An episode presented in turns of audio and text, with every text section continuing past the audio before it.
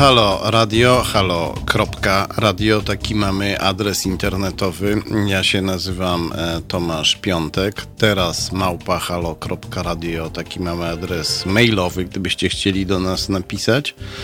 Będę z wami przez najbliższe dwie godziny jako Tomasz e, Piątek w Halo e, Radio.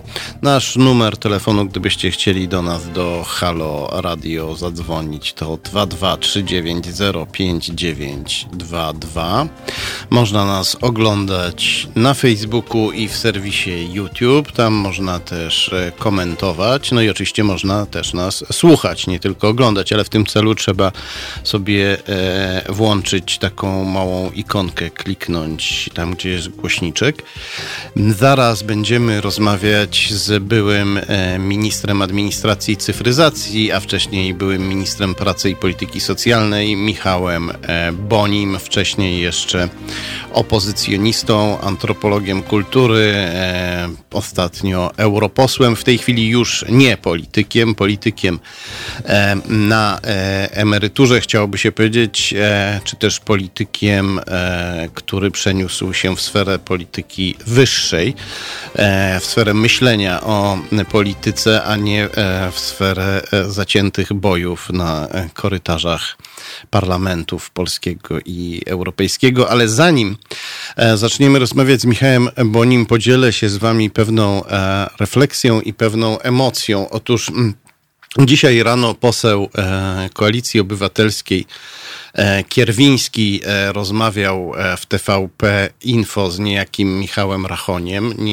bardzo lubię posła Kierwińskiego, niekoniecznie całą jego partię, ale to sympatyczny człowiek i w sprawach kilku ważnych był pomocny. Natomiast kompletnie nie rozumiem, po jaką cholerę rozmawiał z Rachoniem. E, przy tej okazji e, Rachoń, propagandysta rządowej telewizji, powiedział, że koronawirus e, umiera natychmiast po tym, jak straci kontakt z organizmem ludzkim. E, w ten sposób usprawiedliwiał próbę przeprowadzenia e, zabójczych wyborów podczas pandemii, zabójczych wyborów prezydenckich. No i to jest oczywiście kłamstwo. E, w tym samym czasie, w którym Rachoń to powiedział, The Lancet, najbardziej chyba renomowane czasopismo medyczne, opublikowało artykuł w którym czytamy, że koronawirus na przykład na banknotach może nawet 6 dni e, trwać w postaci e, groźnej e, dla człowieka, grożącej zakażeniem. Mniej mm, niż myślano na drukach takich jak te, które będą używane podczas wyborów, więc być może te druki nie będą aż tak niebezpieczne, jak myśleliśmy. Jednak to, co powiedział Rachoń, to jest plugawe kłamstwo, bardzo niebezpieczne. I kiedy to sobie e, obejrzałem, to e, moja pierwsza myśl była taka, jaka kara powinna spotkać kogoś takiego, kto okłamuje w ten sposób społeczeństwo, narażając ludzi także na śmierć, bo ktoś na przykład sobie pomyśli, o fajnie, to e, mogę sobie e, ślinić palce e, licząc banknoty, prawda? E, nie muszę się już pilnować i taki ktoś może z tego powodu umrzeć. I mm, to była moja pierwsza myśl, moja emocja. Ta emocja nadal jest silna, ją słychać w moich słowach, kiedy mówię o karach, o plugawym kłamstwie i tak dalej. Myślę, że mamy prawo do takich emocji. Natomiast e, czy e, to jest czas na myślenie o karach dla tych ludzi, czy to jest czas na e, dopuszczanie do głosu tych negatywnych emocji, jakich mamy wobec e, współprawców e, zapaści, w której żyjemy. O tym będziemy właśnie rozmawiać z Michałem Bonim. Halo, Michale, słyszysz nas? Tak, słyszę. Czy wy mnie słyszycie, czy państwo mnie słyszycie? Zna znakomicie cię słyszymy. Jesteś bardzo słyszalny. E, audycji, e, audycja trafia do jakichś 20 tysięcy ludzi w różnych formach. Tak się dowiedziałem ostatnio. Tak więc słychać cię. Czy nie słychać jednak? Halo? O, Michał Boni e, spadł z audycji, z anteny, mam nadzieję, że nie z wrażenia po tym, jak się dowiedział, że 20 tysięcy. Jesteś, Michale, znowu? Jestem, jestem. O, no właśnie, tak to z tymi aplikacjami jest. E, mamy taką aplikację mm, Timeline. Bardzo Wam dziękujemy, drodzy słuchacze, ponieważ to dzięki Waszym datkom mogliśmy ją nabyć i możemy teraz rozmawiać przez telefon w trochę lepszej e, jakości e, dźwiękowej. E, Michale, słyszałeś, co mówiłem o Rachoniu, o jego kłamstwie tak. i o moich emocjach. E, jak byś to skomentował? No, cały problem e, związany z koronawirusem w Polsce e, bierze się z tego, że e, żyjemy w nienormalnym państwie i w nienormalnej sytuacji. To znaczy, zamiast zajmować się naprawdę zagrożeniami pandemii i człowiekiem w tych zagrożeniach, główny dyskurs, główna, główne wypowiedzi rządowe są skupione na tym, czy mają się odbyć wybory, albo że mają się one odbyć na siłę w takiej czy w innej postaci. W związku z tym wszystkie rzeczy, które są związane z epidemią, są temu podporządkowane. E, stąd e, e, chcąc osłabić poczucie zagrożenia w społeczeństwie, w ludziach, że głosowanie pocztowe może stworzyć jakieś zagrożenia, redaktor Rachoń opowiada takie bzdury i nieprawdę i oszukuje ludzi. A myślę, że oszukiwanie ludzi w warunkach zagrożenia życia i zdrowia e, jest czymś i niemoralnym, ale de facto powinno być bardzo mocno piętnowane. Ja powiem tylko o zaleceniach. Akurat jestem w Brukseli i już tutaj od tego 14 marca zostałem. Nie ma przecież przelotów, nie ma podróżowania. E, e, mój lekarz mówi tak, jak pan wychodzi E, to w maseczce. E, jak pan idzie, mam swoje lata, swoje choroby, e, to proszę założyć rękawiczki, szczególnie jak pan idzie do sklepu i będzie coś pan wybierał. Jak pan wraca i wstępuje pan do swojego kioskarza, mój kioskarz Dino, Sycylijczyk, ma szybkę, ma maseczkę i ma rękawiczki i nie przyjmuje w gotówce żadnych pieniędzy, czyli tylko kartą, ale mój lekarz mówi, jak pan kupi gazety u niego, to niech pan te gazety w domu na jakiś czas odstawi. A najlepiej, to były tutaj poważne przekazy, niech pan e, e, po przyjściu do domu może e, zdejmie ubranie, niech ono odleży. Ten wirus może tam jakiś czas być. Ja tego nie wiem, nie jestem specjalistą, ale słucham się tych rad, dlatego że uważam, że w sytuacji takich zagrożeń wszystkie E, e, rady dotyczące tego, żeby się ochronić i uchronić przed możliwym e, zarażeniem, powinny być bardzo mocno przestrzegane. Od maseczek, tak jak powiedziałem, po to mycie rąk, o którym przecież była wszędzie mowa. Więc uważam, że to, co zrobił Rachoń, pan Rachoń, jest niemoralne i kwalifikuje się E, jako działanie przeciwko życiu i zdrowiu ludzkiemu. Czyli do prokuratury trzeba złożyć doniesienie. No w jakimś sensie tak. No, świat pandemii rządzi się swoimi regułami, tak? To e, myślę, że my powinniśmy te, też oceniać tych, którzy, którzy właśnie oszukują, tak? E, jak sobie porównuję różne sytuacje w różnych krajach i na przykład premier Norwegii, która co tydzień robi spotkania z dziećmi i młodzieżą, ma takie duże konferencje prasowe, po to, żeby dzieciaki i młodzież mogły spytać, nie chodzą do szkoły, nie wiedzą kiedy pójdą. Teraz ta perspektywa się już może trochę wyłania. E, zadają jej bardzo różne pytania i ona z nimi rozmawia. E, z tego co wiem, ma też spotkania z różnymi grupami społecznymi. O co chodzi? O to, żeby polityk, ktoś odpowiedzialny za zarządzanie kryzysowe, budował komunikację, budował, budował relacje, mówiąc prawdę, ale także czując empatię z tymi, którzy mogą się czuć zagrożeni z różnych grup wiekowych. Ja e, słyszę albo ogólne polityczne komunikaty, albo ideologiczne komunikaty. Muszą się odbyć wybory, wybory są bezpieczne. I od tych, którzy odpowiadają za zarządzanie kryzysowe w Polsce, nie słyszę takich suchych e, z jednej strony komunikatów, e, stało się to, a to, a przewidujemy, że w najbliższych dniach może się stać to i tamto, ale też nie słyszę żadnego tonu empatii wobec ludzi. Gdzieś tam się przecież co i raz e, pojawiają takie głosy, e, e, może nie wśród tych głównych liderów, zarządzania kryzysowego, ale w, w, grupie politycznej, która, która rządzi w Polsce, niechętne wobec lekarzy, tak? niechętne wobec służby zdrowia. No to są skandaliczne rzeczy, więc brak tego zaufania, brak jasnego komunikatu i brak współczucia, współodczuwania z tymi, którzy przecież żyją w zagrożeniu. Bo oczywiście można powiedzieć, to w ogóle fajnie, ma się dodatkowy urlop i siedzi się w domu, ale jest wiele osób z różnymi chorobami. E, w Polsce osób z chorobami przewlekłymi to są miliony osób. One są bardziej narażone niż inni. Osoby starsze są bardziej narażone. E, I, i, I, myślę, że dopóki nie będzie takiego tonu, to my nie zbudujemy takiej dobrej odpowiedzi społecznej na, E, to wszystko, co się e, z tym zagrożeniem koronawirusem e, dzieje. I, I, żyjemy w niepewności. Przekazy były takie: już jesteśmy poza szczytem i zachorowań, a później śmiertelności. No a teraz niektórzy mówią, szczyt śmiertelności może być w połowie maja. Niektórzy mówią pod sam koniec kwietnia albo na początku maja. Nie wiemy tego do końca, bo przecież różne czynniki dochodzą. W Belgii, która sobie zupełnie nieźle radzi z koronawirusem, E, ale ma wysoki poziom śmiertelności, przeszło 5 tysięcy ludzi umarło. E, w ostatnich dwóch tygodniach był taki nagły przyrost osób, które umierały, ponieważ okazało się, że wcześniej nie zatroszczono się w odpowiedni sposób o osoby będące w domach opieki społecznej, e, w różnego rodzaju zgrupowaniach, tak? starszych ludzi, ludzi w gorszej kondycji, E, e, i psychicznej, i fizycznej, i materialnej, i finansowej.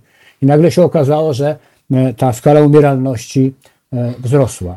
I myślę, że musimy sobie jasno też uświadomić, ta polityka walki z koronawirusem to jest polityka, w której my też zrozumiemy, że są bardzo różne grupy społeczne, one są różnie narażone. Im bardziej będziemy cisnęli na to, żeby już odmrażać gospodarkę, bo to gdzieś kiedyś będzie potrzebne, ale to musi być oparte o rzetelną analizę tego, jakie są przebiegi rozwoju, jak się rozwija ten koronawirus. No, rzetelne, rzetelne, o tym. Że, o rzetelność jest trudno w tej chwili. o rzetelność jest trudno, bo... Panie redaktorze, tak? Nie, pomyślałem sobie o tym, że...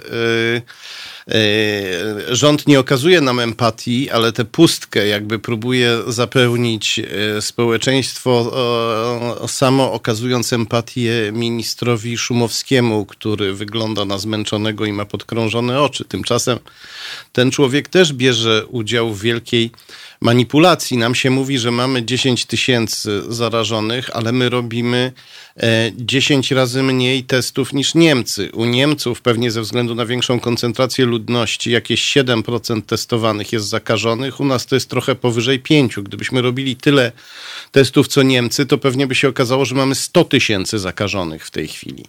E, I ci ludzie nie wiedzą, że są zakażeni i zakażają innych. E, to jest sytuacja, no po prostu robi się zimno, kiedy się o tym myśli, co się w tej chwili dzieje. My, cały świat błąka się we mgle, no ale my się e, błąkamy w tej chwili we mgle bardzo, e, bardzo gęstej.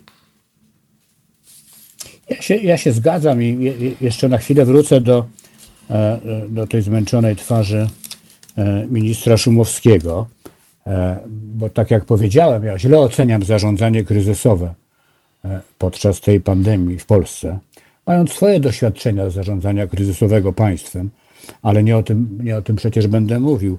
E, natomiast z drugiej strony, e, ponieważ e, podstawowym problemem w Polsce jest brak zaufania, ten brak zaufania nie wziął się nagle, ten brak zaufania jako sposób rządzenia, czyli polaryzacja społeczeństwa, dzielenie nas, a nie łączenie. To jest metoda, to była metoda na zdobycie władzy przez Kaczyńskiego w 2015 roku. I to od 2015 roku jest metoda rządzenia w Polsce. Jedni przeciw drugim. Nie w obronie drugich, tylko jedni przeciw drugim. Takie, jakby przypominać sobie słowa papieża Jana Pawła II, kompletnie odwrotne podejście do, do, do, do, rozumienia tego, co jest naprawdę wartością i solidarnością społeczną. I teraz, jeśli to wszystko jest oparte na tej polaryzacji, no to druga strona, czyli nasza, obóz demokratyczny także ulega, to będzie być może prowokacyjne dla niektórych, e, e, takiemu zakleszczeniu, tak? E, komunikacyjnemu. Bo jak porównuję sytuację w różnych krajach i jak słyszę ten ciągły, on już dwa tygodnie trwa, tak? takie przypominanie, że Szumowski powiedział miesiąc temu i półtora miesiąca temu, że maseczki nie są potrzebne i nie będą potrzebne. To jak sobie porównuję różne komunikaty Światowej Organizacji Zdrowia, to one były niejednoznaczne. Jak porównuję sobie różne wypowiedzi w różnych krajach rządu czy ministrów zdrowia, to one również były niejednoznaczne. Więc e, Polska popełnia różne błędy, rząd polski, e, e, tak jak popełniają je wszyscy. Dodatkowo my popełniamy ten błąd w o wiele większy sposób. On się, on się, on się powiększa, on się robi do potęgi jakiejś tam czwartej, piątej, szóstej i tak dalej, dlatego że nie ma tego zaufania. Bo powiedział Pan o tych testach pełna zgoda. Testy powinny być na o wiele większą skalę i to E, e, tak, i minister Szumowski ma w tej chwili taką pozycję, że mógłby to wymusić. Mógłby zagrozić podaniem się no do mógłby, dymisji, mógłby takie... zacząć tworzyć presję i Zgoda. mówić, ludzie, wymuście na premierze, żeby dał więcej pieniędzy na testy. Nie wyrzuciliby go teraz. Nie może sobie rząd na to w, tej sytu- w obecnej sytuacji pozwolić. Zgoda. Ja w stu procentach się zgadzam. To powinno być. Powinna być oczywiście jasność metodologiczna, jakiego rodzaju testy, bo w Polsce też była taka faza, że pojawiły się różne oferty tych testów, tak, to tak. też nie jest tak, że każdy, każdy test spełnia wszystkie, nie, oczywiście, e, wszystkie warunki. Testy z Chin tak czy z tak Rosji tak są dzisiaj, mało wiarygodne.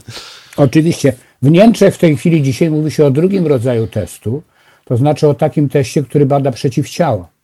To znaczy takim, który by stwierdzał, że ktoś przeszedł nawet w sposób niezauważony tę chorobę, ale de facto jest już uodporniony tak, po jej przejściu, bo ma te antyciała to skądinąd dla polityki zdrowotnej, dlatego co dalej robić e, z epidemią jest bardzo ważne. Ale wrócę na chwilę jeszcze do tych testów. Były takie, w ciągu ostatniego tygodnia były takie dni, że Polska wykonywała około 12 tysięcy testów w ciągu dnia, natomiast Wielka Brytania wykonywała, miała więcej, ale były takie dni, kiedy pod rząd kilka dni około 18 tysięcy testów.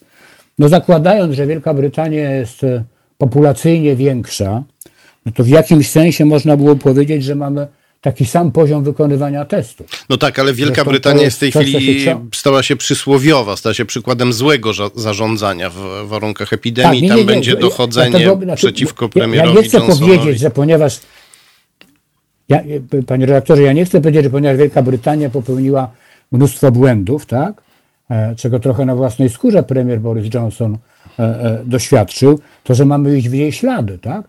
Mamy skądinąd model szwedzki, w którym e, testy są, e, ale generalnie nie ma różnego rodzaju restrykcji, a w porównaniu z innymi z krajami skandynawskimi e, umieralność jest bardzo duża, bo chyba w Finlandii umarło 80 czy 100 osób, w Norwegii też nieduża skala, a w Szwecji 5 tysięcy osób. W Polsce słyszę takie głosy, pójdźmy drogą szwedzką, po co zamykać, po co zamrażać gospodarkę. Więc e, krótko, te dylematy związane z tym, jaką ścieżkę wybrać, e, one są w każdym kraju trudne, one nie są łatwe. E, natomiast to, co wydaje mi się istotne, można wybierać trudne rozwiązania, ale trzeba umieć spojrzeć społeczeństwu w oczy. Otóż to. I kwestia nie jest taka, czy ktoś ma zmęczone oczy, tylko czy w tych oczach jest prawda. Otóż ja, to. ja, ja mam wrażenie, że jednak ba, ba, bardzo różne rzeczy ceniłem i cenię u ministra Szumowskiego, powiem to odważnie przeciwko swojej, swojemu obozowi e, e, e, e, takiemu formacyjnemu, ale z drugiej strony uważam, że było parę takich momentów, w których on, tak jak pan redaktor powiedział, jasno i stanowczo powinien powiedzieć nie. I nie ma nikogo w obozie rządzących, kto takie nie stawia. Trochę próbował, to jest ten ostatni tydzień, Gowin, tak? Zobaczymy, jak będzie no, dalej z tą propozycją. jego e, nie e, ma charakter gumowo-kauczukowy, więc on jest tu mało wiarygodny. Nie, nie, no ja, wie pan, znaczy jak, jak dzisiaj czytam w sieci informacje, że Koalicja Obywatelska, wybory 16 maja 2021 roku, jasne, że te wybory nie powinny się odbyć teraz, 10 maja, Jasne, że nie powinny się odbyć drogą korespondencyjną, bo to tak samo tworzy zagrożenia z jednej strony, a z drugiej strony ogranicza prawa obywatelskie, bo ze względu na różne restrykcje i tak dalej, ja powinienem głosować w Brukseli. Bruksela ma zamknięte e, różne e, instytucje i taką pełną swobodę poruszania, na dzisiaj do 3 maja. Czy to po 3 maja będzie otwarte? Czy konsulaty się otworzą, żeby głosować? A jeśli korespondencyjnie, to w jaki sposób? Czyli mówiąc krótko, z tą sprawą wyborów my nie dość, że ryzykujemy zdrowie i życie ludzi, to jeszcze po raz kolejny w Polsce od 2015 roku ryzykujemy złamanie, złamanie praw obywatelskich. Bo jeśli są wybory powszechne i nie wszyscy mają możliwość w nich uczestniczenia w nich, e, nie ze względu na swój indywidualny powód, no to to jest e, kolejne złamanie tak, są gigantyczne wątpliwości dotyczące tego, e, jak będą przenoszone te urny stojące na rogach ulic, pocztowcy, E, nie chcą, boją się. Miałby, miałaby to robić obrona terytorialna, do której zarekrutowano samych e, prawicowców, więc oni nie są wiarygodni jako nosiciele głosów. Nie wiadomo w jaki sposób komisje wyborcze miałyby przeliczać te głosy, siedząc w odległości dwóch metrów od siebie, każdy członek komisji, skoro e, podstawową rolą takich komisji jest to, żeby każdy członek drugiemu patrzył na ręce, co w warunkach takiego dystansu jest nieosiągalne. No i oczywiście bierne prawo wyborcze kandydatów jest pogwałcone w sposób straszliwy, bo oni nie mogą prowadzić normalnej kampanii. Kampanię prowadzi tylko bezwstydnie e, Andrzej e, Duda. E, nie ma mowy tutaj, o, w, mo, w mojej ocenie nie ma tutaj mowy o, o wyborach o wyborach w maju, natomiast też kombinacje. One się nie powinny odbyć i one, jeśli, jeśli odbyłyby się na siłę, to byłyby wyborami zorganizowanymi na siłę przeciw prawom obywatelskim i przeciw zdrowiu społeczeństwa. Dokładnie tak, więc e, to jest coś, e, na co e, nie można się zgodzić. Jeden z naszych komentatorów, kapitan Stratford, odnośnie postawy ministra zdrowia pisze: Szumowski zdaje sobie sprawę, kim jest kaczor, boi się go. To komentarz w serwisie YouTube. Do tej rozmowy za chwilę wrócimy, ale najpierw pewna piosenkarka, która kiedyś śpiewała z pewnym raperem, który się e, nazywa tak jak pewne drażetki czekoladowe, teraz nam podziękuje. To znaczy piosenkarka, nie raper i nie drażetki czekoladowe. Halo Radio. Gadamy i trochę gramy.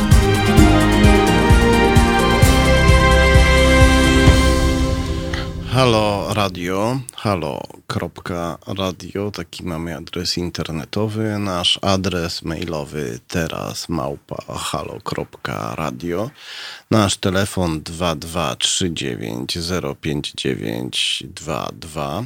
Gdybyście chcieli do nas zadzwonić, możecie nas oglądać w serwisie YouTube, oglądać i słuchać i komentować. I tak samo e, na Facebooku. E, możecie też słuchać podcastów na naszej stronie internetowej. No i możecie nas e, wspierać, bo mm, jesteśmy radiem niezależnym, czyli tylko od Was zależnym. Nie mamy reklam, nie mamy dotacji rządowych. Wy jesteście naszymi sponsorami i jeśli będziecie nas wspierać, to będziemy gadać i trochę grać. A jeśli nie będziecie nas wspierać, to ten e, nieskrępowany głos, który właśnie słyszycie i inne nieskrępowane głosy, które tutaj często słyszycie, będą się robić coraz cichsze, cichsze i znikną zupełnie, czego chyba nie nie chcemy. Rozmawiamy z byłym e, europosłem, posłem i ministrem Michałem e, Bonim.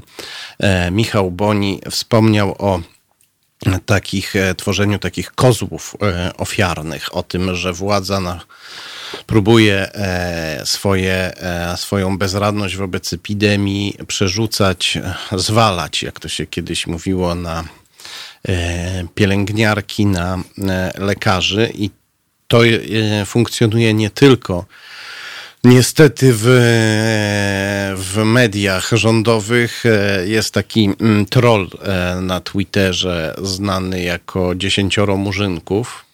Pisze się liczba 10 i murzynków do tego.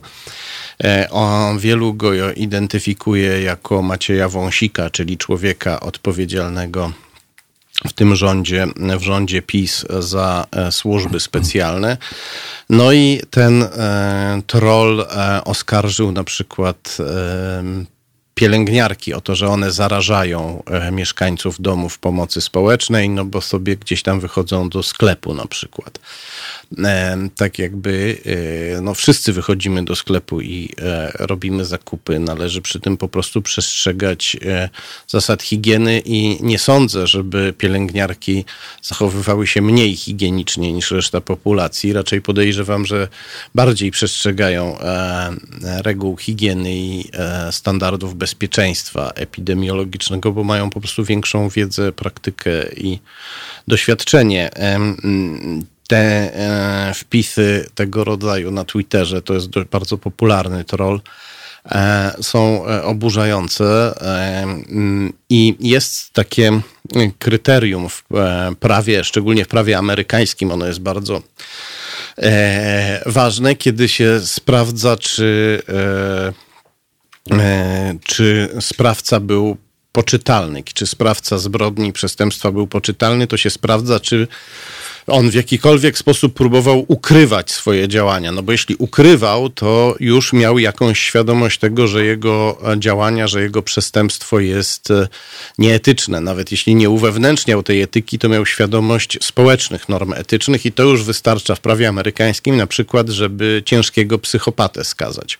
On może nie ma normalnej chemii mózgu i normalnej empatii, ale ma świadomość reguł społecznych, łamie je i to już jest wystarczające.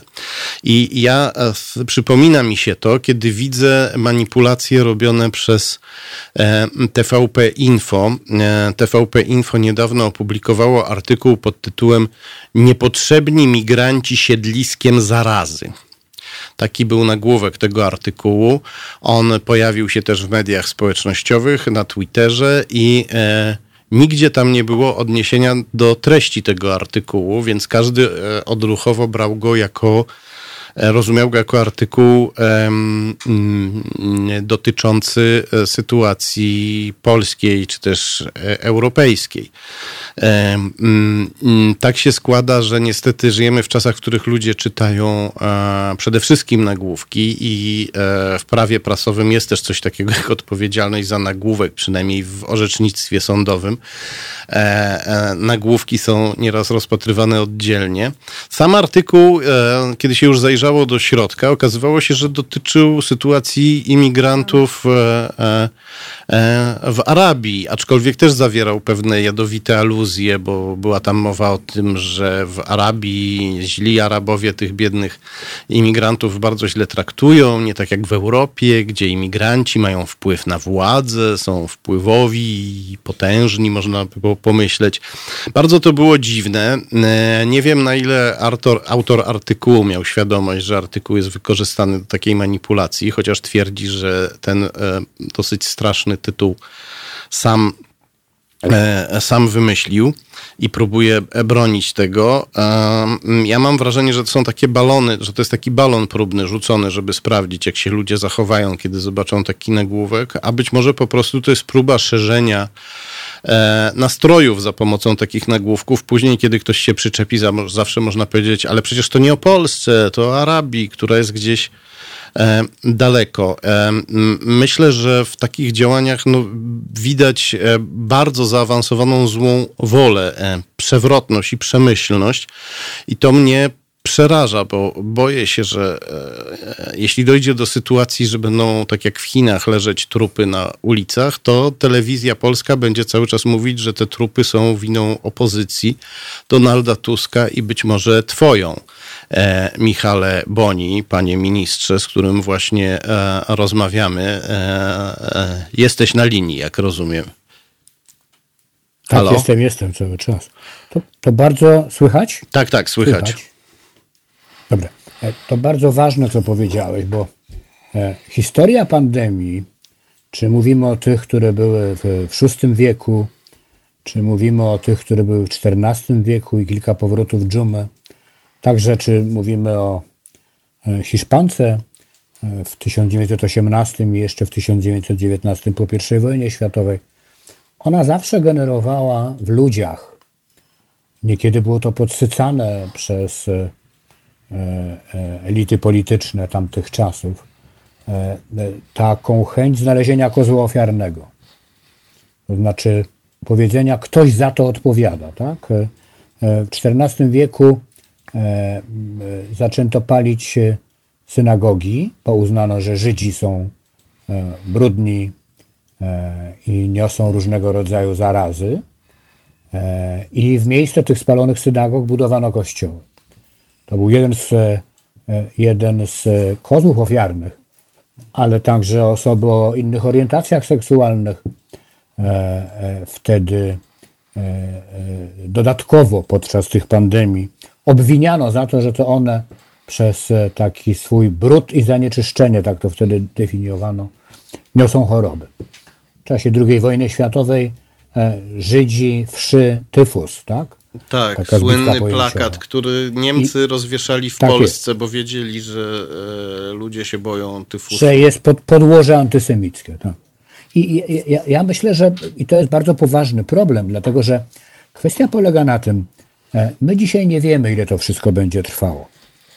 E, niektórzy mówią i słusznie, że do momentu, kiedy nie będzie szczepionki i do momentu, kiedy nie będzie rekomendowanego lekarstwa, które ma w dużej części jakieś szanse pomóc ludziom. Bo dzisiaj nie ma lekarstwa. Dzisiaj tak naprawdę e, daje się komuś, kto jest chory respirator. Trzeba też go umieć obsługiwać oczywiście, to nie, nie jest takie proste. E, tworzy się cały system opieki tej osoby, ale tak naprawdę ta osoba się ratuje sama, to znaczy jej organizm się ratuje sam. I myślę, że e, ten czas do, do szczepionki to jest e, na pewno za rok albo i trochę więcej, jeśli miałaby być dostępna wszędzie i tak dalej, i tak dalej. Czyli dużo czasu będziemy żyli jeszcze w zagrożeniu, mogą być różne fale, dlatego że koronawirus będzie ustępował. Teraz nagle w Harbinie, tak, w Chinach wygasł, a w Harbinie e, się powiększył e, i mamy takie nowe źródło, tak, nowe centrum epidemii. E, w Singapurze jest e, druga fala e, i to na, zaczyna być na, na, na sporą skalę. Więc mówię, nie wiemy jak to będzie. I teraz im dłużej to będzie trwało, tym ta komunikacja tych, którzy zarządzają kryzysem, który jest w głównej mierze przecież zdrowotnym kryzysem, z ludźmi, ze społeczeństwem powinna być jasna, przejrzysta, uczciwa i otwarta. Ale równocześnie trzeba też będzie zrozumieć, że ludzie będą szukali E, jakieś odpowiedzi, będą e, chcieli właśnie zrzucać winę na kogoś. Tak? I e, dzisiaj mamy bardzo dużo, jak patrzę na, na, na, na ten zgiełk i na tę nienawiść polityczną i na to podporządkowanie spraw człowieka sprawie wyborów ideologii, Patrz Kaczyński, Duda, rząd i tak dalej, to mam takie wrażenie, że E, jakby w którymś momencie oni też będą czuli za jakiś czas, że ludzie już nie wytrzymują nerwowo tego wszystkiego. Bo ten pierwszy miesiąc to tak trochę tu wakacje, tu teraz wiosna, pogoda, różne może emocje pozytywne. E, Im dłużej to będzie trwało i będzie, będą, e, troszkę będzie luźniej, jeśli chodzi o rygory, ale różne zagrożenia dalej będą funkcjonowały, bo się będzie okazywało, że tacy nosiciele e, są istotni, tak, i oni roznoszą tę chorobę sami do końca nie chorując, to wtedy, będzie, to, to wtedy oczywiście będzie, będzie taka chęć szukania tego kozła ofiarnego. Władza już dzisiaj, oprócz tego, co powiedziałeś o tym, o tym trolu, tym podsycaniu takiej niechęci, tak, że to jacyś obcy, że to migranci, już dzisiaj chce budować takiego kozła ofiarnego. Tym kozłem ofiarnym jest Unia Europejska, która nie daje sobie rady i która zamiast nam pomagać, to e, robi różnego rodzaju. No to akurat PiS na to nie wpadł, tylko podchwycił jak po raz kolejny narrację Kremla. Tak, tak, nie, nie, a to, to, to, to tym bardziej, tak? To, to, to będzie jeszcze silniejsze.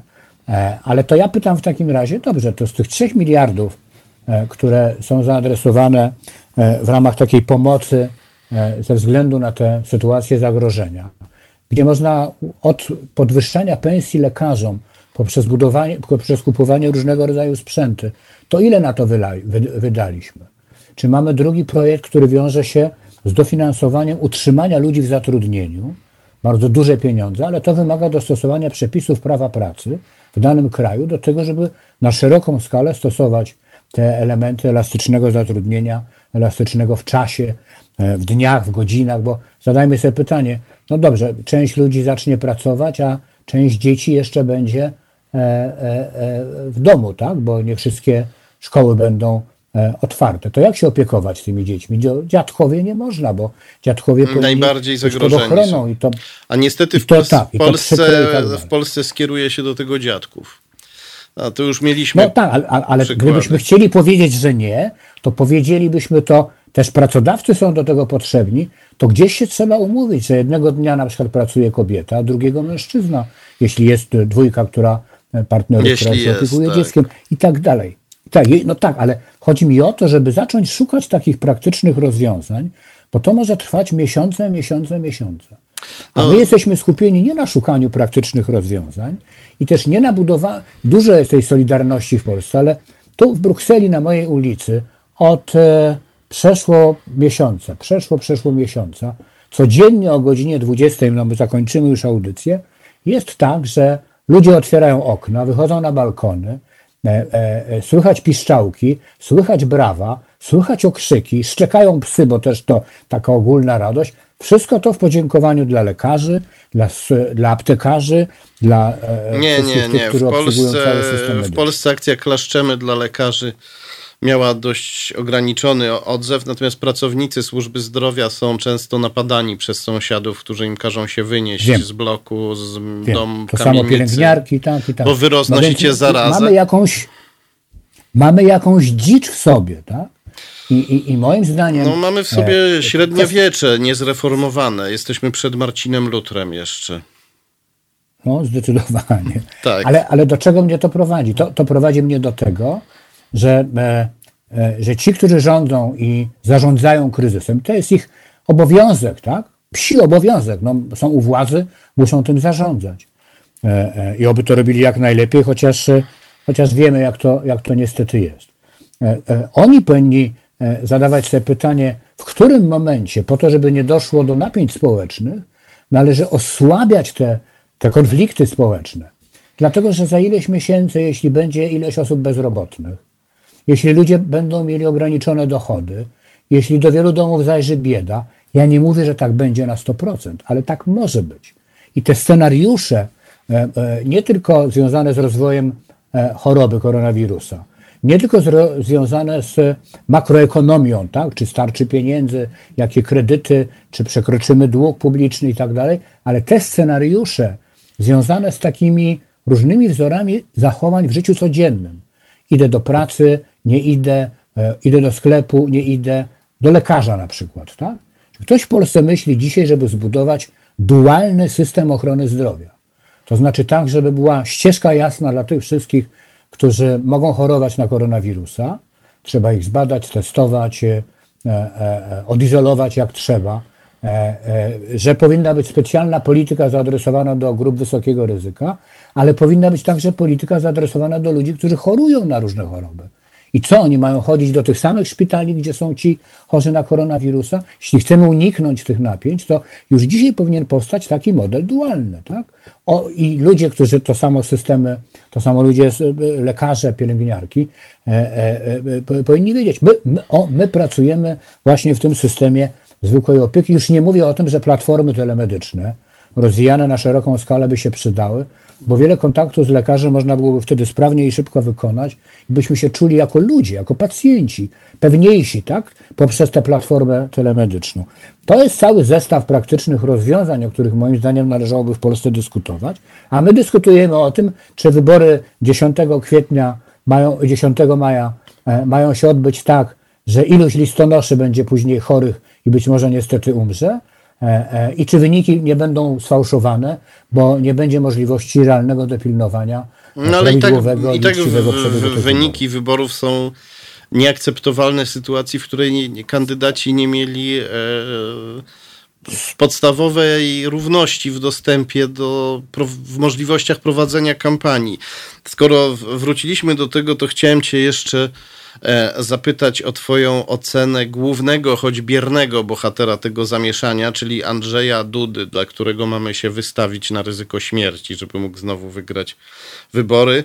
E, chciałem Cię zapytać o jego ocenę w świetle książki Duda i jego tajemnice, która e, wyszła w wydawnictwie Arbitror, której jestem współautorem.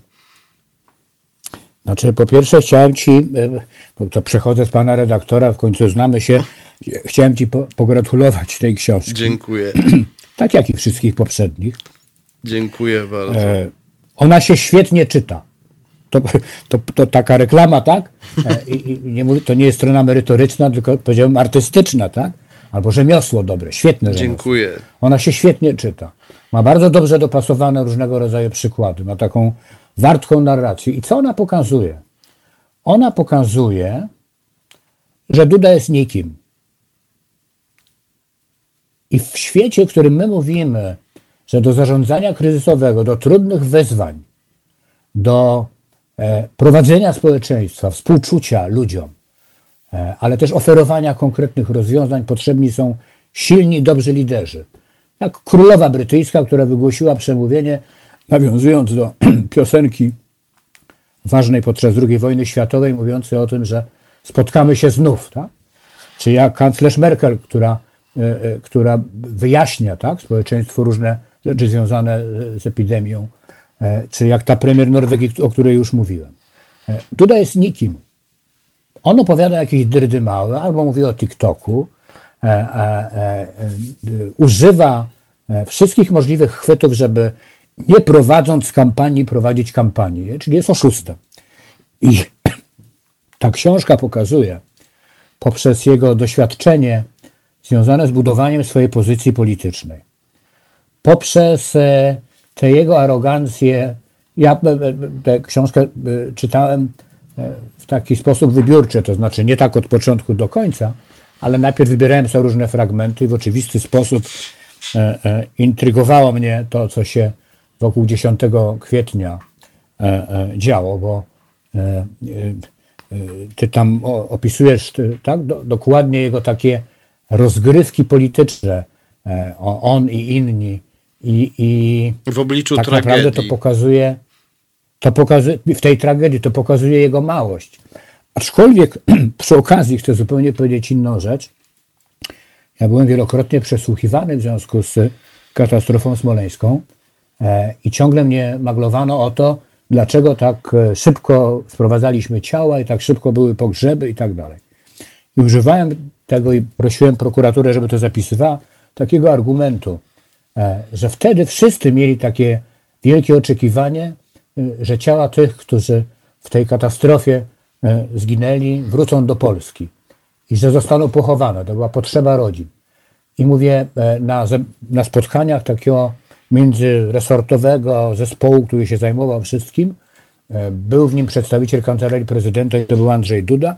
Andrzej Duda, e, ówczesny minister kancelarii prezydenta, obecny prezydent, również mówił, że ciała trzeba sprowadzić szybko. Więc mówiąc krótko, Duda ma jeszcze to do siebie, jako polityk, że różne rzeczy mówi w jednych gronach, inne mówi w drugich gronach. I cała ta historia, którą opisujesz, o jego związkach e, nieczystych, niejasnych, y, z różnymi osobami, związkach silniejszych, słabszych, ale jednak, tak? Powoduje, że to jest taka postać, na którą ja patrzę, jakby ona była e, e, nie, dość, że ubrudzona, e, nie, dość be, że, nie dość, że bez siły, mocy żadnej do rozwiązywania i podejmowania trudnych problemów, e, to do tego wszystkiego właśnie tak karleje. I paradoks, przepraszam, że to powiem. W sytuacjach trudnych, w czasach trudnych, niektórzy nawet kiepscy liderzy stają się herosami. A moim zdaniem, karłowaty zdaniem, karłowaty Duda, którego pokazuje w tej książce przez różne jego doświadczenia, e, podczas tego doświadczenia, podczas tej, podczas tej pandemii, skarlał jeszcze bardziej. I to jest smutne i to nie jest personalne, co ja chcę tutaj powiedzieć, bo jako obywatel chciałbym oczekiwać od swojego państwa, bo mimo, że ono jest zawłaszczone przez Kaczyńskiego, przez PiS, to jednak czuję się obywatelem tego państwa. Chciałbym, żeby zarządzano mną uczciwie. Chciałbym, żeby byli liderzy. Chciałbym, żeby oni mówili mądrze. Chciałbym, żeby nie deptano moich praw obywatelskich, bo to jest dosyć kluczowe. W tej, jedno zdanie jeszcze w tej dyskusji, która się toczy w świecie, w Europie, o używaniu tych e, różnych aplikacji, e, e, które są w naszych telefonach, do takiego monitorowania tego, czy mieliśmy kontakt z kimś, kto był zarażony na koronawirusa. Jest takie zalecenie Komisji Europejskiej, żeby to było zgodne z zasadami ochrony danych osobowych i bezpieczeństwa. I są takie techniczne możliwości. Tak? To, ta oferta Apple'a i Google'a, tak na dobrą sprawę, ona dzisiaj E, używa danych zanonimizowanych, e, e, ta kolekcja danych jest mała, to jest decentralizowane, czyli jest, bezpie jest bezpieczne. I zresztą wszystko jest na zasadzie dobrowolnej. To samo Unia Europejska mówi. Ale w Polsce my mamy pewien rodzaj przymusu i ja nie wiem, dlatego że w, w ustawie o policji z 2016 roku myśmy wprowadzili wszystkie narzędzia inwigilacyjne dla polskich służb związane z tym, jak my używamy różnego rodzaju narzędzi. I teraz to dochodzi do takiego dramatu. E, można dyskutować i trzeba kontrolować społecznie używanie tych e, rozwiązań e, do walki z koronawirusem. One muszą być czasowe, to jest oczywiste. I dane ewentualnie też muszą być później niszczone, ale to jest możliwe tylko i wyłącznie wtedy, kiedy my ufamy władzom, władzy.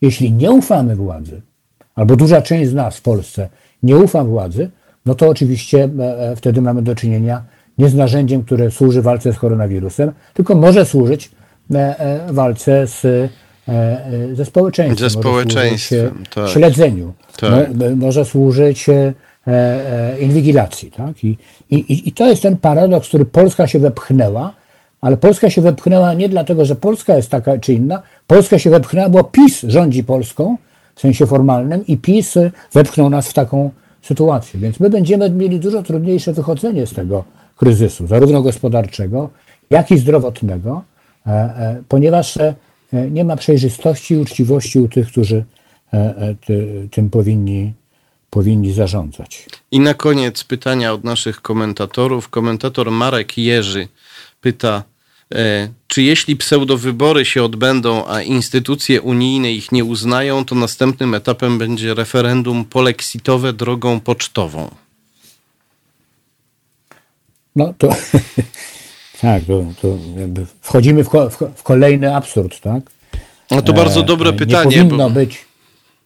Nie, nie, ja się zgadzam, że bo jeśli już można, jeśli już można fałszywie wybrać drogą pocztową, to można drogą pocztową fałszywie zdecydować tak? E, e, o czymś. E, ja myślę, że, że teraz już jakby trochę na poważnie, ja mam wrażenie, że jacy oni są, to są, to wiemy. Chodzi jaki jest, czyli PiS jaki jest, każdy widzi. Natomiast w tej fazie, w której jesteśmy, byłoby im nie na rękę wychodzenie. To znaczy, będą atakować i budować atmosferę kozła ofiarnego E, e, e, i pokazywać, że to wszystko przez Unię Europejską. Natomiast w perspektywie budżetu 2021, 2027 i tak dalej, i tak dalej, to myślę, że się na to nie zdecydują. Jest jeszcze jeden element. Jak patrzymy na Unię Europejską i różne kraje i patrzymy na Eurogrupę i dyskusję, czy mają być euroobligacje, czy nie, i patrzymy na decyzję Europejskiego Banku Centralnego, to mówię to z całą otwartością. Żałuję, że nam nie starczyło siły i pary po 2004 roku, żeby wejść do strefy euro. Bo w sensie ekonomicznym bylibyśmy dzisiaj bezpieczniejsi. Moglibyśmy z tych narzędzi, które są otwierane tak, przez Europejski Bank Centralny, czy przez te ewentualne, jeśli w końcu powstaną euroobligacje, korzystać. A tak, to Polska plus te parę krajów, nie, nie jest ich już dużo, które nie są w euro, jedynym sposobem E, e, takiego e, wsparcia wychodzenia z kryzysu w sensie ekonomicznym i też szukania rozwiązań w wielu różnych dziedzinach, to są bezpośrednie budżetowe pieniądze unijne. Więc jakby widzę ten, ten absurd i tę groźbę takiego głosowania polexitowego, natomiast gdzieś w tyle głowy, ale może naiwnie, mam takie wyobrażenie, że oni się na to do końca do końca Ale to jest pytanie, co jest dla nich ważniejsze? Czy pieniądze z Unii dla ich rządu, czy władza absolutna w Polsce. Wtedy też będą mieć dużo pieniędzy dla siebie. Myślę, że priorytetem jest no tak. władza absolutna w Polsce i tu są gotowi się sprzymierzyć nie tylko z Putinem i Xi Jinpingiem, ale z samym szatanem. Tak, tylko problem polega na tym, ja myślę uczciwie na to patrząc, e, że e, jest takie pytanie o masę krytyczną buntu społecznego. Ja mam wrażenie, że przez te wszystkie lata od 2015 roku te różne elementy buntu społecznego, one rosły.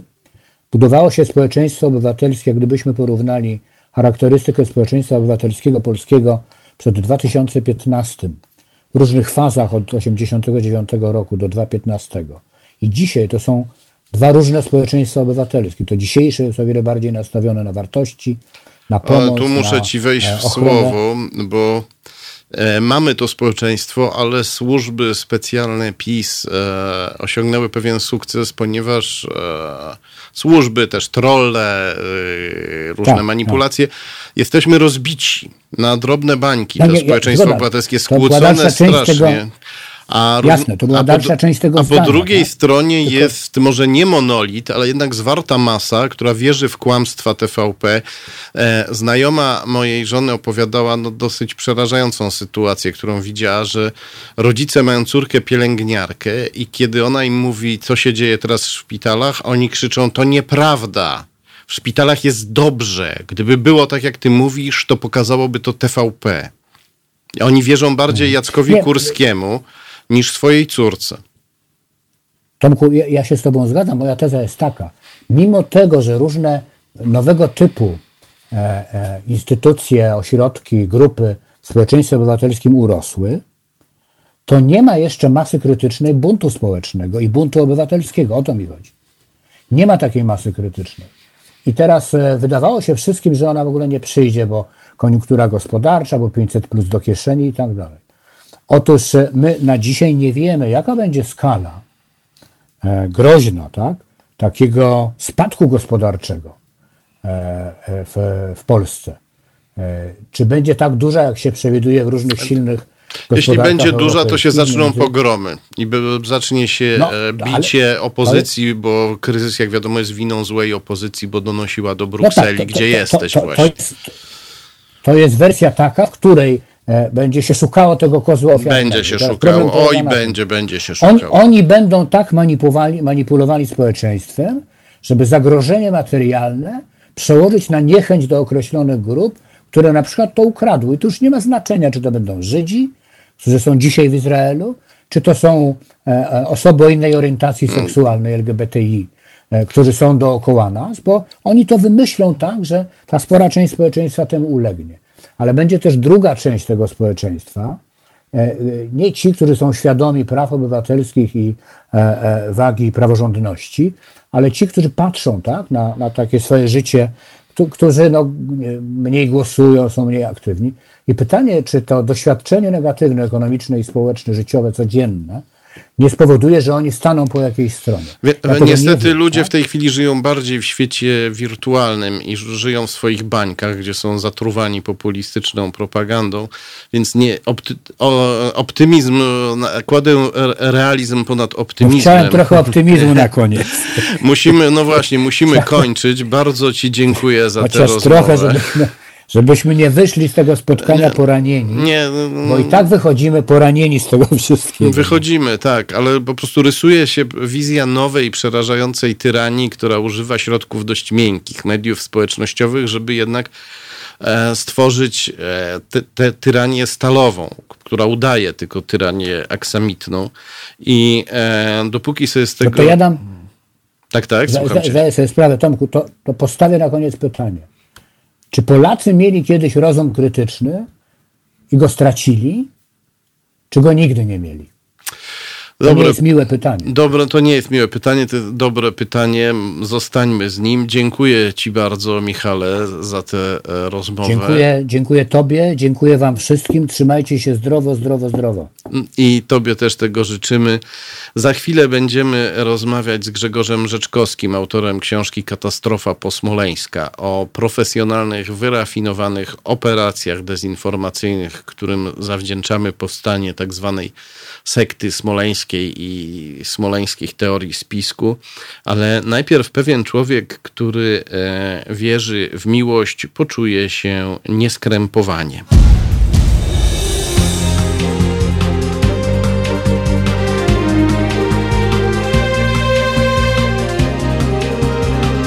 Halo Radio. Halo Radio, halo.radio. Taki mamy adres internetowy. Teraz małpa halo.radio, taki mamy adres mailowy. Teraz małpa halo.radio. Gdybyście chcieli do nas napisać, nasz telefon 2239 05922. Powtórzę 2239 05922. Możecie też słuchać podcastów na naszej stronie internetowej. Możecie nas oglądać i słuchać i komentować w serwisie YouTube oraz na Facebooku. Możecie też nas wspierać, do czego bardzo zachęcam, ponieważ nie mamy reklam, nie mamy sponsorów, nie mamy dotacji rządowych. Wy jesteście naszymi jedynymi sponsorami i e, gadamy i trochę gramy e, i możecie słyszeć tutaj e, nieskrępowany e, głos e, publicystykę e, ograniczoną jedynie szacunkiem dla prawdy. E, możecie słuchać nas tylko dzięki temu, że, że nas wspieracie, za co bardzo Dziękujemy.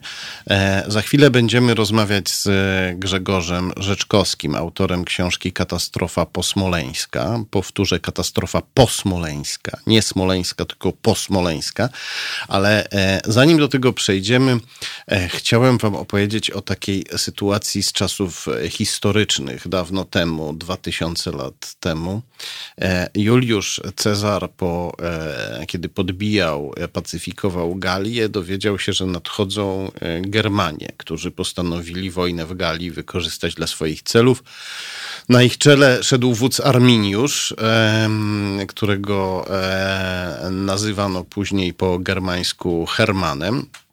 No i zanim pojawił się sam Arminiusz, to do e, legionistów rzymskich przyjechali kupcy, którzy tam przywieźli różne atrakcyjne towary, jak to kupcy, ale przy okazji zaczęli im opowiadać straszne rzeczy o Germanach, że to są e, mordercy, absolutni barbarzyńcy, ludożercy, zwyrodniali okrutnicy, którzy e, e, jak kogoś złapią, to go torturują godzinami, zanim go pożrą, e, że to są ohydne potwory, które wynurzyły się z Hadesu, czyli z piekła, tak jak je widzieli Rzymianie. No i dodatkowo jeszcze każdy z nich ma 3 metry wzrostu. I, i, i ogólnie rzecz biorąc, powiedzmy, zabija wzrokiem i tak dalej. I e, e, nie pamiętam dokładnie w tej chwili, co zrobił Juliusz Cezar, ale on zazwyczaj, jak się pojawiały takie e, osoby, to je skracał o głowę. Radził sobie z tym radykalnie. Natomiast jasne było, że to e, ci kupcy byli po prostu dezinformatorami, którzy przyjechali e, wprowadzić chaos, zamęt i panikę w szeregach, w szeregach rzymskich. I tak się zastanawiam, czy wtedy, kiedy Juliusz Cezar na przykład e, wyganiał tych e, kupców albo ich po prostu dekapitował, czyli obcinał im głowy, czy wtedy e, byli tacy mędrcy w obozie rzymskim, którzy mówili, ależ Juliuszu Cezarze, to nie mogą być agenci Germanów. No przecież jak żeby agenci germańscy takie brzydkie rzeczy o Germanach opowiadali. Nie, no, gdyby to byli agenci Germanów, to by opowiadali, że Germanie są fajni, dobrzy i tak dalej, a my jesteśmy źli i brzydcy. No jakże to Juliuszu Cezarze? Tu się coś nie zgadza. No, mm, my niestety mamy w Polsce całą masę takich mędrców. Jesteśmy poddawani intensywnej e, e, e, intensywnemu bombardowaniu dezinformacyjnemu ze strony e, Rosji już od e, paru ładnych lat, co najmniej od e, sześciu. To bombardowanie jest bardzo intensywne e, i ciągle masa osób e, nie chce wyjąć głowy z piasku i przyjąć, że e, zrozumieć, przyznać, że jesteśmy w stanie wojny hybrydowej z Rosją. I e, te osoby czepiają się właśnie argumentu takiego, że teorie spiskowe, które podzieliły Polskę nas rozbiły, są przecież teoriami antyrosyjskimi, bo mówią o tym, że bardzo źli Rosjanie podstępnie zabili nam prezydenta i jeszcze 95 innych osób w Smoleńsku. No jakżeby Rosjanie mogliby takie złe rzeczy o Rosjanach mówić? To niemożliwe. Nie, nie. To my, to nasze polskie okropne szaleństwo sprawia, że pojawiają się w nas takie teorie spiskowe. Musimy z siebie to, to szaleństwo wypalić, zwalczać polskich szaleńców, pogryźć się między sobą i tak tak dalej, i tak dalej. E, mm, jeszcze gorzej na te teorie oczywiście reagują ci, którzy są nimi zarażeni, bo uważają nas za e, rosyjskich agentów, a równocześnie Rosja się e, z tego wszystkiego śmieje i z tego korzysta. Jest z nami człowiek, który to wszystko rozgryzł i to nie tylko na zasadzie analizy logicznej, ale na zasadzie śledczej. Jest z nami człowiek, który wyłuskał ogromną ilość podstawowych, nieraz szokujących faktów dotyczących tego, w jaki sposób smoleńskie teorie spiskowe były rozsiewane w naszym społeczeństwie. E, ten człowiek obala mity na ten temat, bo jest bardzo wiele rzeczy, których nie wiemy. Ten człowiek, ten dziennikarz śledczy, Grzegorz Rzeczkowski, e, reporter i, i analityk, jeśli można tak powiedzieć, najpoważniejszego tygodnika w Polsce, tygodnika Polityka wydał właśnie książkę pod tytułem Katastrofa posmoleńska.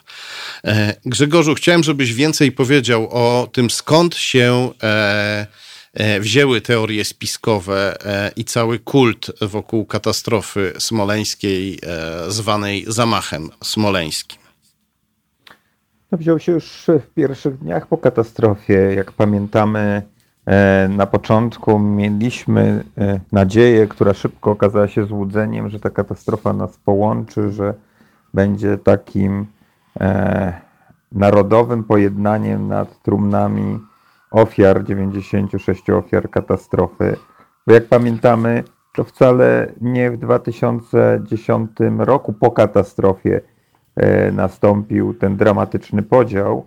On dramatycznie się pogłębił, ale podział za, zaczął się w 2005 roku od y, tych słynnych haseł Polska Solidarna, Polska Liberalna, a wcześniej jeszcze y, tu, tuż przed tym te hasła się pojawiły w kampanii wyborczej, y, w takiej no, nagonce na, na wszystko, co y, postkomunistyczne i co związane z SLD. Pamiętamy, że ofiarą tej nagonki padł Włodzimierz Cimoszewicz, pamiętamy Komisję Orlenowską, która właściwie miała za zadanie wykończyć SLD i, gdy, i, i, i gdzie ramię w ramię siły te postsolidarnościowe e, szły przeciwko e, SLD, a później no, doszło do podziału na Polskę Solidarną i Liberalną, e, który się tak tlił przez, przez parę lat, aż doszło do katastrofy smoleńskiej. I ta katastrofa miała nas e, połączyć, miała zakończyć ten spór. Okazało się niestety zupełnie inaczej. To już w pierwszych dniach. Najpierw, jak pamiętamy, e, był spór czy, czy, czy konflikt o pochówek pary prezydenckiej na Wawelu, który dosyć jednak szybko z perspektywy czasu, można powiedzieć, ucichł. A kilka dni już po katastrofie na krakowskim przedmieściu pojawili się radykalni nacjonaliści, narodowcy, E, postendecy, jedni e, z korzeniami tkwiącymi jeszcze w perelowskich e, ruchach typu Zjednoczenie Patriotyczne Grunwald, pamiętamy antysemickie, radykalnie antykorowskie, antysolidarnościowe, po uszy zamoczone w jakieś dziwne relacje i z polskimi służbami i Rosji, radzieckimi. Było tam mnóstwo ludzi, związanych z SB, y, z Wojskową Służbą Wewnętrzną, czy wcześniej informacją wojskową. E, ci... No i tu ci przerwę i zapytam, tak. ale jak to? ludzie związani z dawnym Imperium Sowieckim, z SB, a nawet bezpośrednio z Rosją, no jakże oni mogliby stać tam i krzyczeć, że Rosja zabiła nam prezydenta? No toż to się w głowie nie mieści. Oni nie krzyczeli, że Rosja zabiła. Oni, oni e, nie mówili, nie wypowiadali się źle o Rosji. To jest ciekawe. Oni mówili, najpierw sugerowali zamach, a później, że doszło do zamachu, ale pamiętamy w jakim kontekście to się odbywało.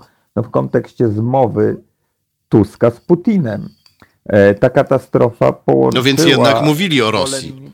No nie mówili. Raczej, e, raczej kładli ciężar odpowiedzialności na stronę polską, na stronę Tuska, na stronę władzy, która walczyła z krzyżem przecież. E, która, która chciała e, Polskę e, zlaicyzować, chciała Polskę wciągnąć w te brukselskie wredne Nie, no to oczywiście układy. wina Tuska i tak dalej, ale jednak skoro mowa o zmowie z Putinem, to wiesz, do zmowy trzeba dwojga co najmniej. Ale ta zmowa z Putinem polegała na czymś innym. No, ci komuno-endecy, jakich można nazwać, którzy jeszcze nawiązując do tych historycznych konotacji E, ich korzenie tkwią w moczaryzmie, e, to jak pamiętamy, moczar, choć e, w latach 40. miał kontakty z, z rosyjskimi służbami, to moczar grał na nucie narodowej. I to, była, to był ten nurt taki właśnie narodowego komunizmu, zdrowego, prawda, zdrowej tkanki w narodzie. E, trochę w kontrze do tych komunistów, którzy e, spadli na spadochronach zrzuceni przez radzieckie samoloty, ale e, ci, którzy stanęli na krakowskim przedmieściu 14 kwietnia i tam zaczęli jątrzyć, nie zrzucali odpowiedzialności na, na Rosję, na Putina, bo oni są prorosyjscy i proputinowscy. E, w swoich, e, werbalnie i, i, i swoich przekonaniach. Czyli tak, żeby teraz, do, żeby doprecyzować teraz, czyli pomysł, że tam w ogóle dokonał się zamach, wyszedł od ludzi związanych z Rosją, choć wtedy jeszcze nie było mówione, że to jest zamach rosyjski. Tak, na pewno mentalnie, na pewno mentalnie i to oni też popierali e, pochówek pary prezydenckiej na Wawelu, oni też mocno nakręcali kult prezydenta Kaczyńskiego, nawet uruchomili produkcję popiersi Lecha Kaczyńskiego pod hasłem Lech Kaczyński w każdym domu, w każdej parafii, w każdym gabinecie lekarskim i tak dalej. No tutaj e, naświetlasz to, to... w książce rolę Eugeniusza Sendeckiego, który e, youtubera nacjonalistycznego, prorosyjskiego, który wcześniej był zajadłym krytykiem Lecha Kaczyńskiego, a po tak. katastrofie nagle stał się jego wielbicielem. Tak, tak, tak, tak, tak. No to bardzo zaskakujące, że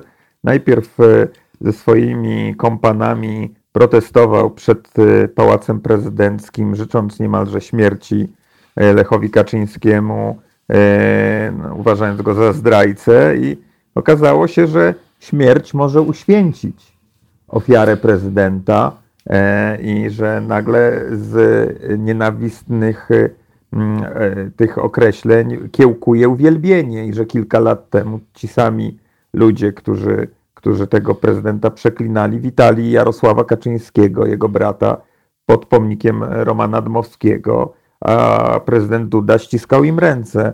No taki widać sojusz e, pragmatyczny się tutaj e, wytworzył w, tej, w, tej, w tym, w tym układzie. Można też powiedzieć, że przyniósł on profity E, też PiSowi. Mm, ale też nie zapominajmy, że tam nie tylko byli neonendecy, którzy bronili krzyża, którzy później wspierali protest Solidarnych 2010, którzy to Solidarni już bezpośrednio byli związani z PiSem. Przypomnę, że tam była Ewa Stankiewicz i Samuel Pereira mm, e, i, e, i różni inni ludzie mocno z PiSem powiązani. Ale kto przyniósł krzyż, kto postawił krzyż, warto o tym pamiętać. Ano, byli to tak zwani, na ich nazywam młodzi nacjonaliści, młodzi narodowcy, którzy odwo odwoływali się do tego przedwojennego e, dziedzictwa ruchu narodowego związanego z Dmowskim, ale też z Bolesławem Piaseckim. E, harcerze ze Związku Harcerstwa Rzeczpospolitej. I to oni ustawili krzyż, oni go później bronili już pod szyldem inicjatywy Polsk, Polsce i bliźnim. I to oni później zaczęli robić piorunujące kariery w banku BZWBK, którym e, kierował wtedy Mateusz Morawiecki, inny obecny, e, już związany z PiSem, no, wiceprezes PiSu, inny polityk, który, który nie ukrywa swojego uwielbienia dla skrajnych polskich ruchów nacjonalistycznych, który składał, pamiętamy, kwiaty jako pierwszy polski, tak wysoki rangą urzędnik państwowy na grobach kolaborującej z hitlerowcami Brygady Świętokrzyskiej, więc e, mamy tu takie, taki, taki sojusz e, właściwie e, młodych nacjonalistycznych sił ze starymi komuną narodowcami spod znaku telewizji narodowej i PiSu, który, który brał w obronę tychże, tychże te, te ruchy, te, te, te, te jakby stronnictwa. No harcerzy ewidentnie, pamiętamy, że jak wybuchł konflikt o przeniesienie krzyża, to, to, to PiS, Kaczyński, Lech, Jarosław Kaczyński, Zbigniew Ziobro protestowali przeciwko, delikatnie mówiąc, protestowali przeciwko przeniesieniu krzyża. Aktywny udział w blokowaniu przeniesienia wzięli właśnie ci komuno-endecy, ale też y, y, dowodem na to, że PiS osłaniał i bronił tychże ludzi, były nie tylko ich związki z politykami PiS, ale było to, co zrobił E, co ja traktuję jako trochę przyznanie do, do tego, e, że działali, działa, działały te obie grupy pod parasolem PiS. To, co zrobił e, ówczesny koordynator do spraw spec-służb Mariusz Kamiński wiosną 2016 roku, kiedy w słynnym swoim audycie podsumowującym niejako działalność Platformy Obywatelskiej w służbach przyznał, czy wyznał, E, że e, no, Platforma Obywatelska, służby Platformy Obywatelskiej rzekomo inwigilowały tych ludzi spod krzyża, co było oczywistą e, bzdurą. No, taki komunikat jasno dawał do zrozumienia, że, że, że oni są z nami, tak? My jesteśmy, a my jesteśmy z nimi i wara wam od nich. I no, ja bym się. Będą ich próbować ja bym się raczej cieszył, gdyby służby specjalne zwróciły uwagę na działalność e, tych, e, no, tych osób, nie tylko tych starych komuno-prorosyjskich, e, komuno-nacjonalistów, ale też tych e, młodszych e, nacjonalistów z harcerskim rodowodem. Ja też się nimi zajmowałem e, nie tak dogłębnie jak ty, ale też zająłem się szczególnie jednym z nich w książce Morawiecki jego tajemnice. To Dymitr Hirsch, nazywany nieformalnym doradcą Morawieckiego, tak. człowiek o e, rodzinnych związkach z Rosją, a także z byłym komunistycznym reżimem w NRD. E, mm, człowiek bardzo e, tajemniczy, bardzo e, wpływowy, człowiek, który bronił też Jacka Kotasa, czyli słynnego tak. rosyjskiego łącznika Macierewicza. Ale powiedz nam, kiedy zaczęły się pojawiać podszepty, filmiki, strony internetowe sugerujące, że E, zamach smoleński był e, dziełem Rosjan, albo Rosjanie byli wspólnikami w tym zamachu, dokonywali manipulacji, ukrywali ślady, e, strzelali do tych, którzy przeżyli, rzekomo przeżyli katastrofę. To nastało po tym, jak został powołany zespół parlamentarny zespół parlamentarny, parlamentarny Antoniego Macierewicza i wtedy te wrzutki E, i zaczęły być odnotowywane.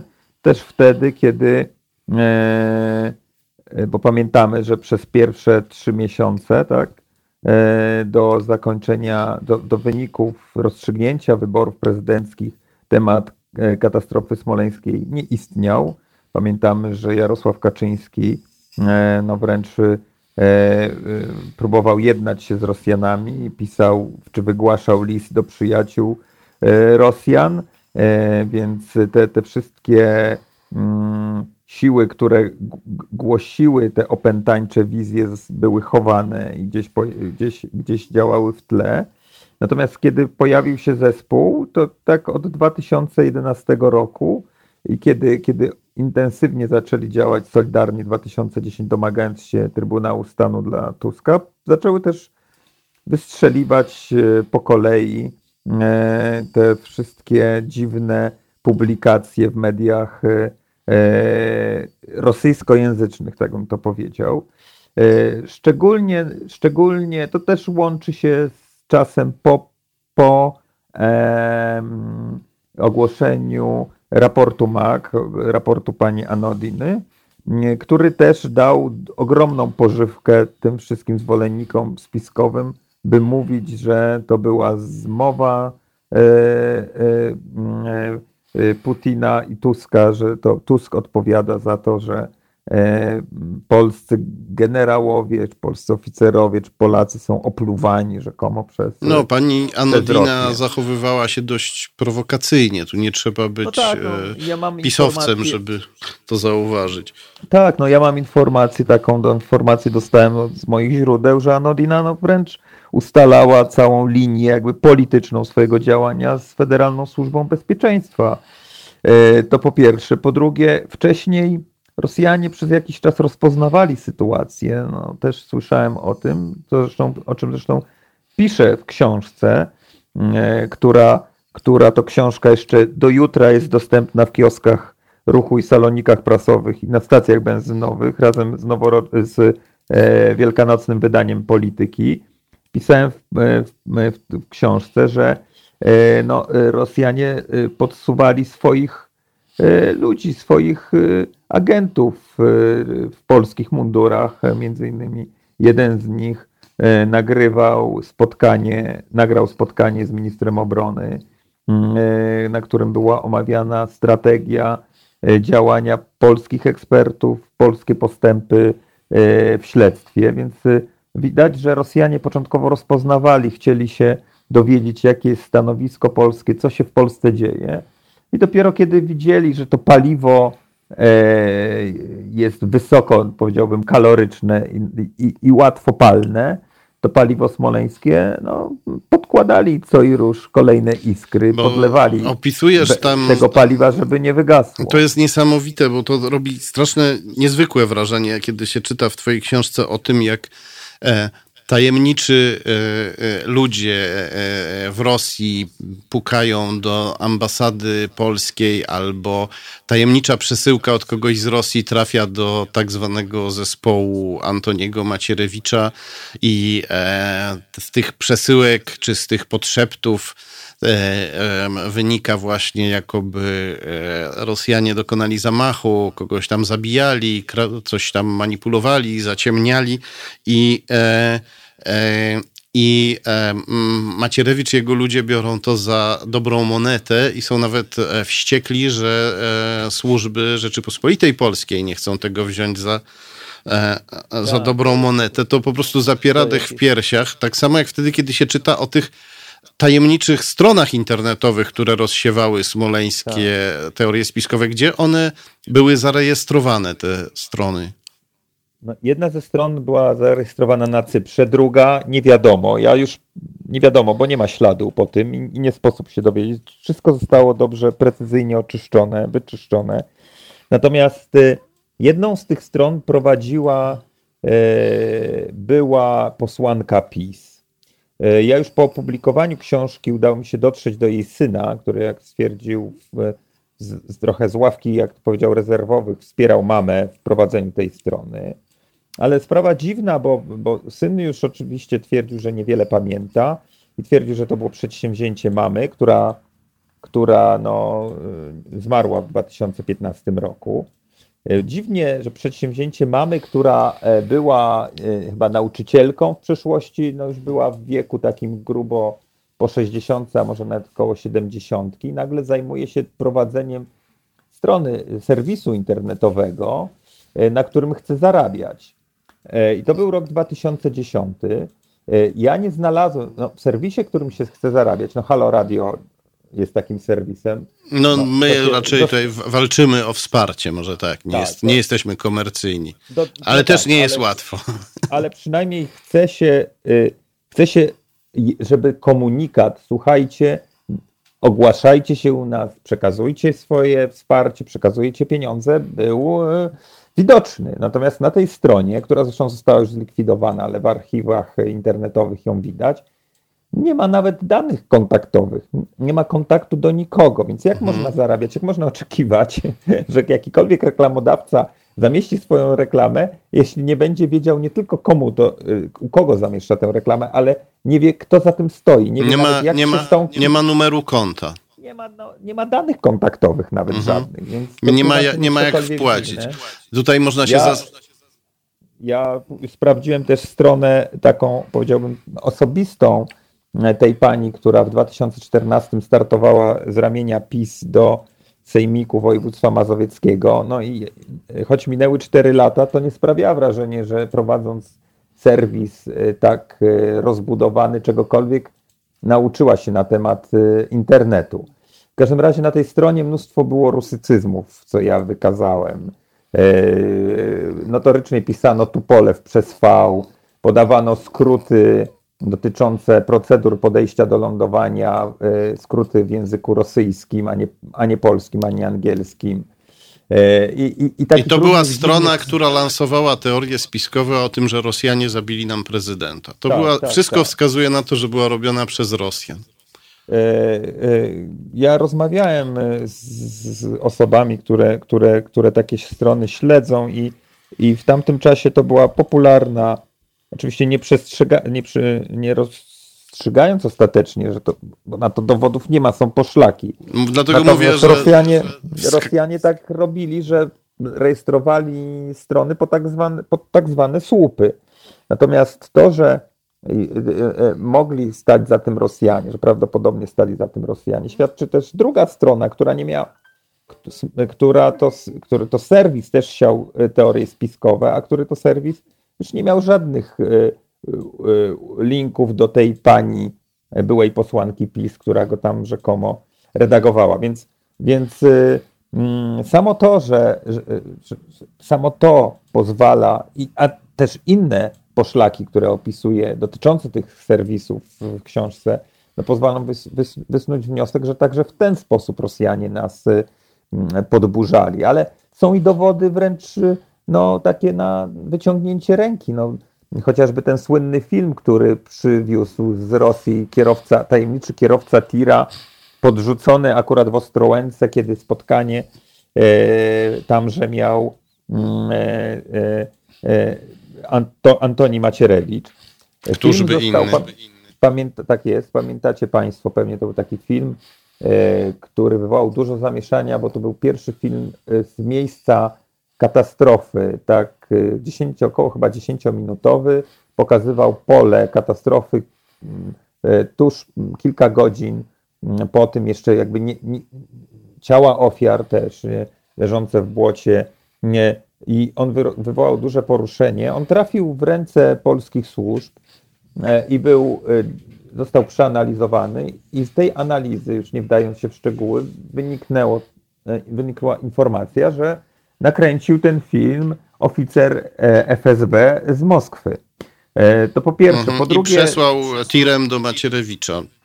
No, no tak, no tak, niestety, to brzmi, to brzmi jak z kiepskiego komiksu, ale żyjemy w rzeczywistości, która zaczyna coraz bardziej przypominać. Taki, no może film akcji klasy B, ale tak to, tak to niestety wygląda, to, bo dowody, jakie, które pokazujesz, są ty mówisz poszlaki, ja wolę określenie dowody pośrednie, ich jest bardzo dużo. No i, i są dowody też no, takie chociażby, że film e, z rzekomą rekonstrukcją e, katastrofy, na którym widać eksplozję po uderzeniu, e, pod, przy uderzeniu e, samolotu o ziemię, co też posłużyło do, do, do, do, do, do dobrze, dobrze posłużyło, dobrze przysłużyło się zwolennikom E, teorii spiskowej, został zamieszczony w, serwisie, e, który był powiązany z jednym z rosyjskich oligarchów. Mm.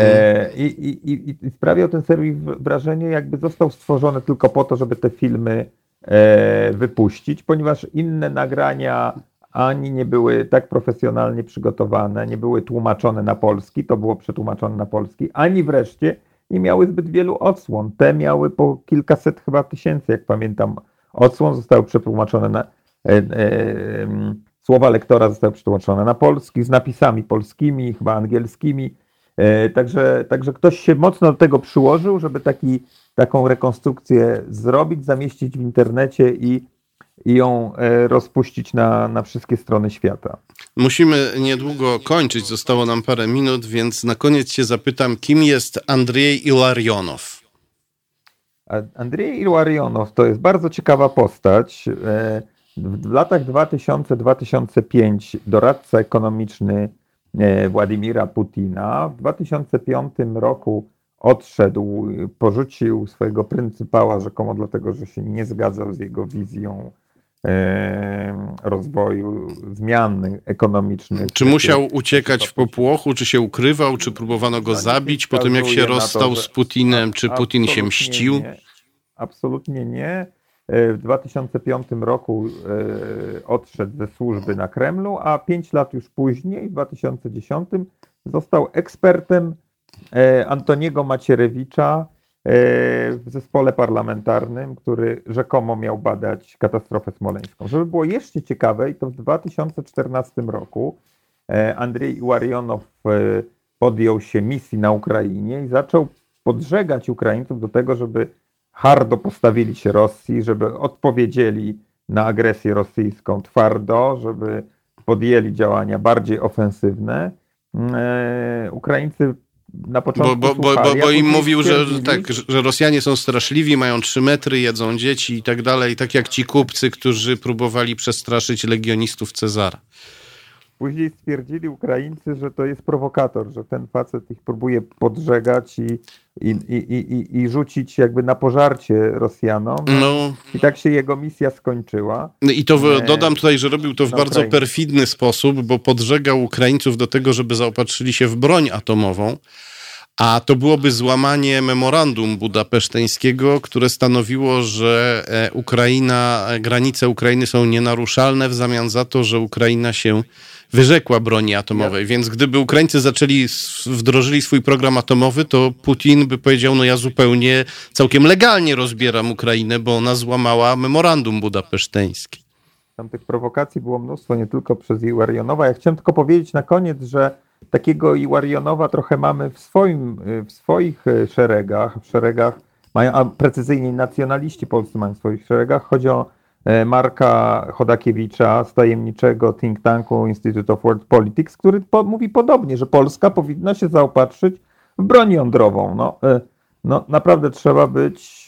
No, tak, to jest człowiek związany z, z niesławną polską fundacją Narodową, z Edmundem Janigerem, też mający powiązania e, liczne e, i z kręgami prorosyjskimi w Stanach. To jest człowiek, który w tajemniczy sposób uzyskał zgodę od e, PRL-owskich komunistycznych służb specjalnych na wyjazd do Stanów Zjednoczonych, gdzie się kręcił przy osobie, która pracowała nad obronnością Stanów Zjednoczonych. Człowiek bardzo podejrzany, który w Polsce rozsiewa nastroje nacjonalistyczne, antysemickie, już jest uważany w kręgach prawicowych za patriotę. Też opisałeś jego postać bardzo e, dokładnie, włącznie z badaniem akt w Instytucie Pamięci Narodowej. Tak, udało mi się to tuż przed wybuchem epidemii i, i bardzo mnie zdumiało to, co znalazłem, bo wynika z tego, że ten hardy E, antykomunistycznie nastawiony Marek Chodakiewicz wyjechał w stanie wojennym e, do Stanów Zjednoczonych e, po interwencji oficera SB, który wydał mu paszport, więc no, rzeczywiście co osoba to większa tajemnica budząca większe wątpliwości oraz domagająca się wręcz zbadania powiązań, które no, które nasuwają się same. No, rozmawiałem kiedyś z prezydentem, byłym prezydentem Bronisławem Komorowskim o tych samych mniej więcej środowiskach, o których tutaj mówimy, e, także o Macierewiczu i prezydent Komorowski w pewnym momencie powiedział, tu co chatka, to zagadka. Jakoś mi to utkwiło w głowie, bo faktycznie są to postaci e, bardzo tajemnicze, ale znacznie więcej możemy się o nich dowiedzieć dzięki Twojej książce, dzięki książce Katastrofa Posmoleńska, która w tej chwili jest jeszcze dostępna w kioskach razem z wielkanocnym wydaniem e, polityki. Gorąco zachęcam do przeczytania tej książki, bo bez niej nasza wiedza o tym, co się z nami dzieje i co jest nam robione, no jest rozpaczliwie, e, e, jest rozpaczliwie niekompletna. E, a po przeczytaniu tej książki wszystko zaczyna się spinać, tym bardziej, że książka składa się właściwie z e, samych twardych dowodów, choć często dowodów pośrednich, ale takich, które naprawdę trudno e, zlekceważyć. Bardzo Ci dziękuję, Grzegorzu. Naszym rozmówcą, my Ci dziękujemy. Naszym rozmówcą był Grzegorz Rzeczkowski, dziennikarz tygodnika polityka. Ja się e, nazywam Tomasz e, Piątek i e, też już się z Wami żegnam, ale najpierw wydarzy się coś takiego, że od gór Uralu aż po Gibraltar stanie 10 milionów osób i one zaczną odliczać od końca do początku, tak aż w końcu ten na Gibraltarze powie jeden i to będzie takie europejskie, ostateczne e, rozliczanie, aczkolwiek e, wywodzące się nie tyle z Uralu, co ze Szwecji.